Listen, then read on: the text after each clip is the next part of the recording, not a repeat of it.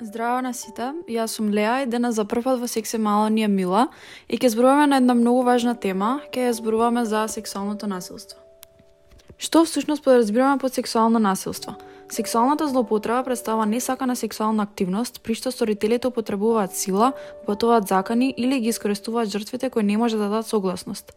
Исто така се нарекува сексуален напад, тоа вклучува несакани сексуални допири, приселен секс, силување, меѓу другото сексуални акти. Без разлика на ситуацијата, жртвата никогаш не е виновна.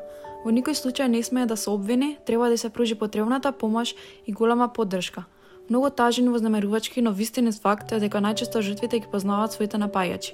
Иако постои митот дека најчесто насилниците се некои непознати лица на улица, тоа не е така. Многу често насилникот е пријател, сопруг или сопруга или некој член од семејството. Каков е профилот на еден сексуален насилник?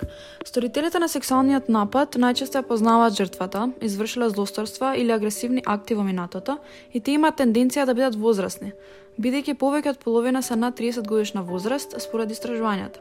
Никој може да имаат нарушена состојба на менталното здравје, како што е асоцијално расстройство на личноста, но мнозинството нема. Не постои единствен профил, еден вид на луѓе кои вршат сексуална злопотреба, но во секој случај сексуалниот насилник сака да покаже чувство на надмоќ. Социјалното и културното влијание исто така игра улога, особено во тоа зошто мажите најчесто сексуално напаѓаат жени. Обштеството има тенденција да го велича насилството, да ги објективизира и женските и машките тела и да ги прифати поставените културни скрипти и групните норми. Предизвикувањето на овие норми, комунални и политички, може да помогне да се промени воземорачката распространетост на сексуалниот напад денес.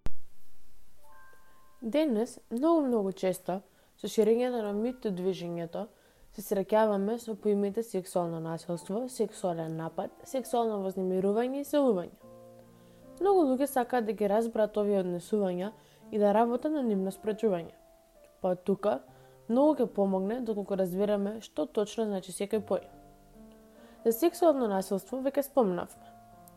Сексуалната злоупотреба може да вклучува многу различни работи, од допирање на жртва на сексуален начин до принудување на жртвата да го допре сторителот на сексуален начин, до принудување на жртвата да гледа во сексуални делови од тело или да биде сведок на сексуална активност.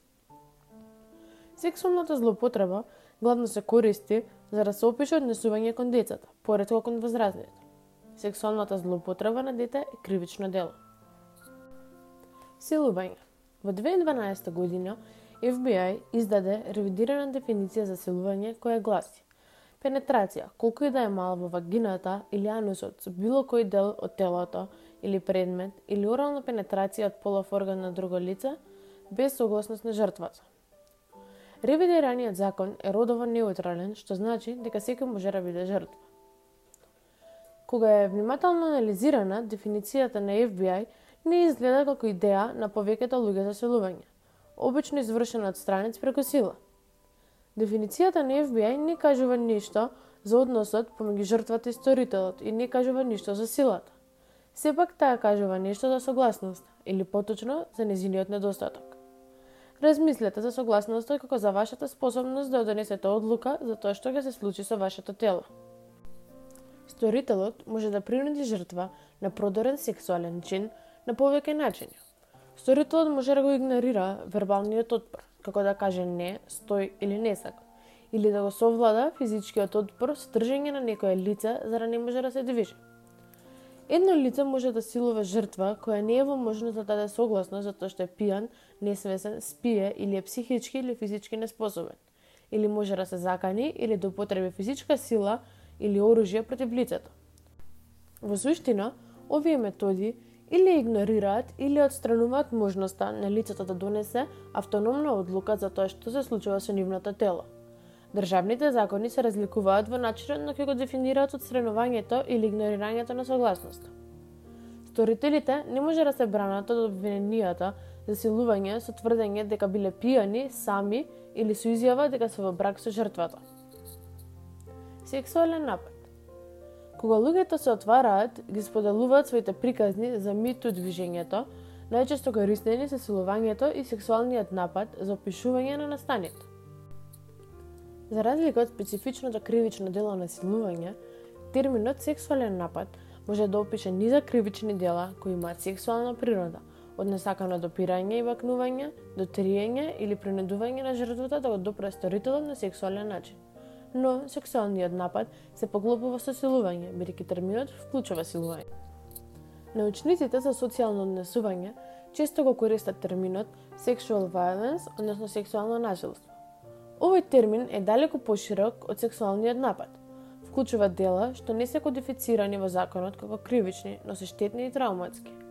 Сексуалното насилство вклучува користење лажни ветувања, упорен притисок, на вредливи коментари или закани за пресилување сексуални действија.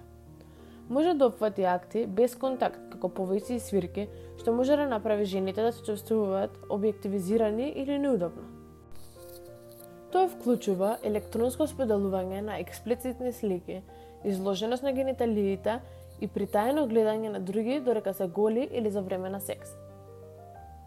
Сексуално вознемирување Сексуалното вознемирување е многу поширок поим од сексуалниот напад, опфаќајќи три категории недозволиво однесување. Првата е сексуална принуда, законски наречена quid pro quo вознемирување. Се однесува на имплицитни или експлицитни обиди, условите за работа да зависат од сексуална соработка. Класичното сценарио «Спите со мене или ке ве отпуштам» е совршен пример за сексуална принуда. Тоа е најстереотипната форма на сексуално вознемирување, но и најредка. Втора и почеста форма на сексуално вознемирување е несакано сексуално внимание, несакано допирање, гушкање, галење, бакнување, притисок за состаноци, односно дејтови или сексуално однесување. Забележете дека романтичните и сексуалните овертири имаат многу варијанти на работа. Не сите се вознемирувачки. За да представува незаконско сексуално вознемирување, сексуалните акти мора да бидат несакани и непријатни за примателот. Тие мора да бидат доволно строги или продорни, за да создадат неудобна работна средина, според Врховниот суд на САД. Несакано сексуално внимание може да вклучува сексуален напад, па дури и силување.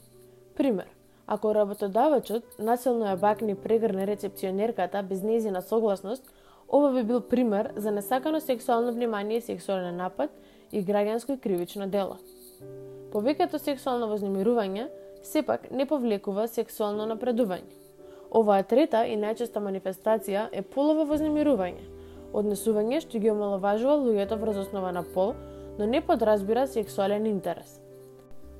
Родовото вознемирување може да вклучува груби сексуални поими и слики, например понижувачки коментари за нечово тело или сексуални активности, графити, нарекувајќи ги жените и мажите со непристојни термини. Сепак, многу често, тоа е чисто сексистички, како што се презирни забелешки за жените кои не се соодветни за лидерство или за мажи кои немаат место во грижата за децата. Ваквите поставки представуваат сексуално вознемирување затоа што се базираат на пол, а не затоа што вклучуваат сексуалност. Кој најчесто е жртва на сексуално насилство? Секој може да биде жртва на насилство без разлика на полот, родот, возраста, етничката, националната, верската припадност, сексуалната ориентација, партнерскиот статус, професијата и безброј други нешта со кои индивидуата се идентификува. Кога сексуалното насилство во прашање, постојат групи на луѓе кои се подложни и поранливи, а тоа се жените, девојките, децата, лицата со попреченост, сексуалните работници и работнички, ЛГБТ и заедницата, луѓето сместени во психијатриски институции, домови за згрижување и затворите. Каква е состојбата со сексуалното насилство кај нас? Сексуалното насилство е едно од најсекојдневните форми на насилство во Македонија, но во исто време е едно од најмалку пријавуваните – Причини за непријавување се најразлични, започнувајќи од конзервативноста и патриархалноста во општеството, каде женската сексуалност се смета за неморална, а во исто време на телото на жената се гледа како на сексуален објект во собственост на мажите, до непрепознавање на различните форми на сексуално насилство и недоволниот број законски одредби со кои се санкционираат различните форми на сексуално насилство. Патриархалноста на општеството учи на покорност на жените и вината за сексуалното насилство секогаш ја бара во жртвата – начинот на облекување, однесување, конзумирање алкохол, местото на движење или пак со други зборови слободното практикување на основните човекови слободи и права, во исто време патриархатот ги поистоветува со причина за сексуално насилство. Наместо осуда и поголеми затворски казни за сторителот на сексуалното насилство, има осудени, понижени, деморализирани и обесхрабрени жртви, како од граѓаните, така и од институциите кои се должни да им помогнат. Сето ова води кон создавање на страф и неможност за пријавување на сексуалното насилство во Македонија. па поради сите овие индикатори, бројките на пријавени случаи на сексуално насилство за кои се водат статистички податоци во МВР не може да ја представат реалната состојба во државата.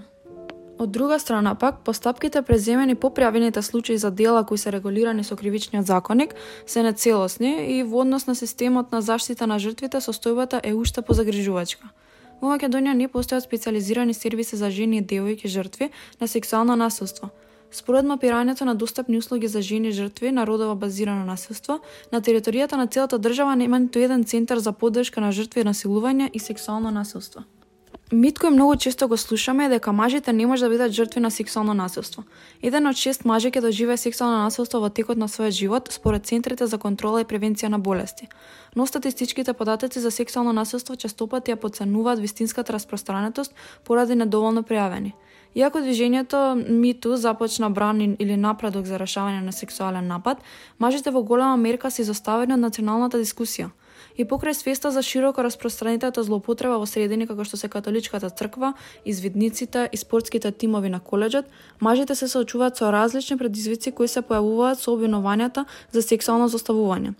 Сите жртви на сексуално насилство се борат со сраме и понижување, но мажите се соочуваат со дополнителна слој на стигма поради културните поими за машкост. Мажите може да веруваат дека требало да бидат доволно силни или пак доволно мажи за да се борат со предаторот или да избегнат напад. Културните митови како мажите секогаш сакаат да имаат секс, можат да ги спречат мажите да зборуваат за ваквата злоупотреба. Како да им се помогне на жртвите од сексуално насилство? Мокните сили често пати спречуваат преживеаните да откриваат или да пријавуваат сексуална злоупотреба, од страф од одмазда до потенцијал за повторно живење на травматски напад. Но, кога преживеаните ќе решат да се појават, Непоколебливата поддршка од пријателите и членовите на семејството може да им помогне да го процесираат искуството и да продолжат напред. Најважното нешто што треба да направите е едноставно да ја слушате и да ја верувате на личноста. Потврдете ги нивните емоции, поставувајте прашања и избегнувајте да осудувајте.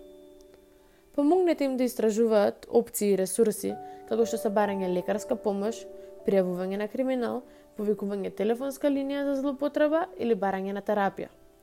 Иако може би имате силно мислење, оставете го настрана. Преживеаниот треба да донесе само одлуки кога ќе се чувствува подготвен за тоа. Каде може да се пријави и побара помош? Да пријавите и да побарате помош за сексуално насилство можете во МВР, во професионален центар на град Скопје, Шелтер центар Скопје, ЕСЕ Скопје, бесплатна правна помош коалиција Маргини, Ехо Штип, Флоренс Найтингел Куманова, Биди безбедна и на многу други места. Сите броеви ќе ги постираме на страната на Facebook или Instagram. Ви благодариме што нас слушавте и се надеваме ви се допадна денешната емисија. Ве охрабрувам уште повеќе да истражите на оваа тема и многу е важно да се запамти пред да направите што сте намислила, мора без никаков исклучок да добиете согласност. Имајте убав ден и се слушаме во следната емисија.